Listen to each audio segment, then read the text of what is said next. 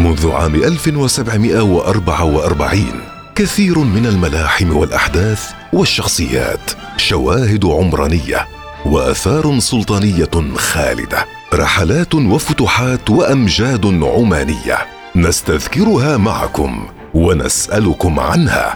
في المسابقة اليومية الدولة البوسعيدية للمشاركة والحصول على فرصة للربح. أرسل رسالة نصية قصيرة بكلمة الوصال على تسعين أربعة ستة ستة. السلام عليكم ورحمة الله وبركاته. أهلا بكم مستمعين الكرام.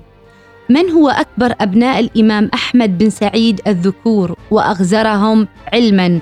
توفي قبل وفاة والده الإمام.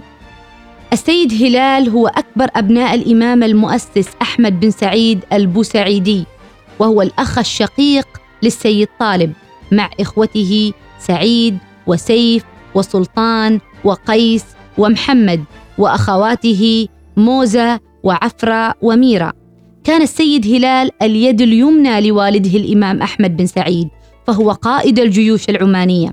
وكان على رأس الجيش العماني الذي توجه لمدينة البصرة استجابة لنداء الاستغاثة الذي تقدم به واليها العثماني للإمام أحمد بن سعيد عندما استنجد لفك حصارها.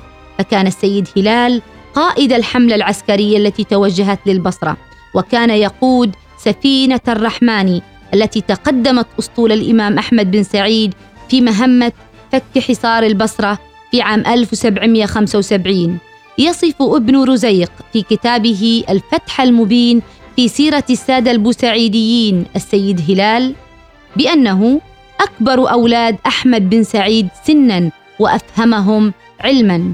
فالسيد هلال كان غزير العلم وشاعرا فصيحا كأخيه الإمام سعيد إلا أنه لم يتولى الحكم بعد أبيه بسبب إصابته بالعمى في أواخر حياته وسفره إلى الهند. فقد توفي قبل وفاة الإمام أحمد بن سعيد. وللسيد هلال قصائد غراء متفرقة في كتاب شقائق النعمان على صموت الجمان في أسماء شعراء عمان. ولمكانة السيد هلال كقائد من قادة الدولة البوسعيدية في عهد والده الإمام المؤسس أحمد بن سعيد. ومن رجالها الأشاوس الذين قدموا إسهامات جليلة وبطولات عظيمة. كتب الشاعر سالم بن محمد بن سالم الدرمكي قصيدة يثني فيها على السيد هلال قائلا ما خلت غيرك يا هلال الموصل؟ كسب الكمال له ولم يتنقل وأرى البدور تجد في أفق السماء سيرا ولولا سيرها لم تكملي وفداك بدر ذو منازل عدة يحتلها يا بدر ذاك المنزل. ما زلت فردا في زمانك وهو في أفق السماء من النجوم بمحفل. نلقاكم في الحلقة القادمة.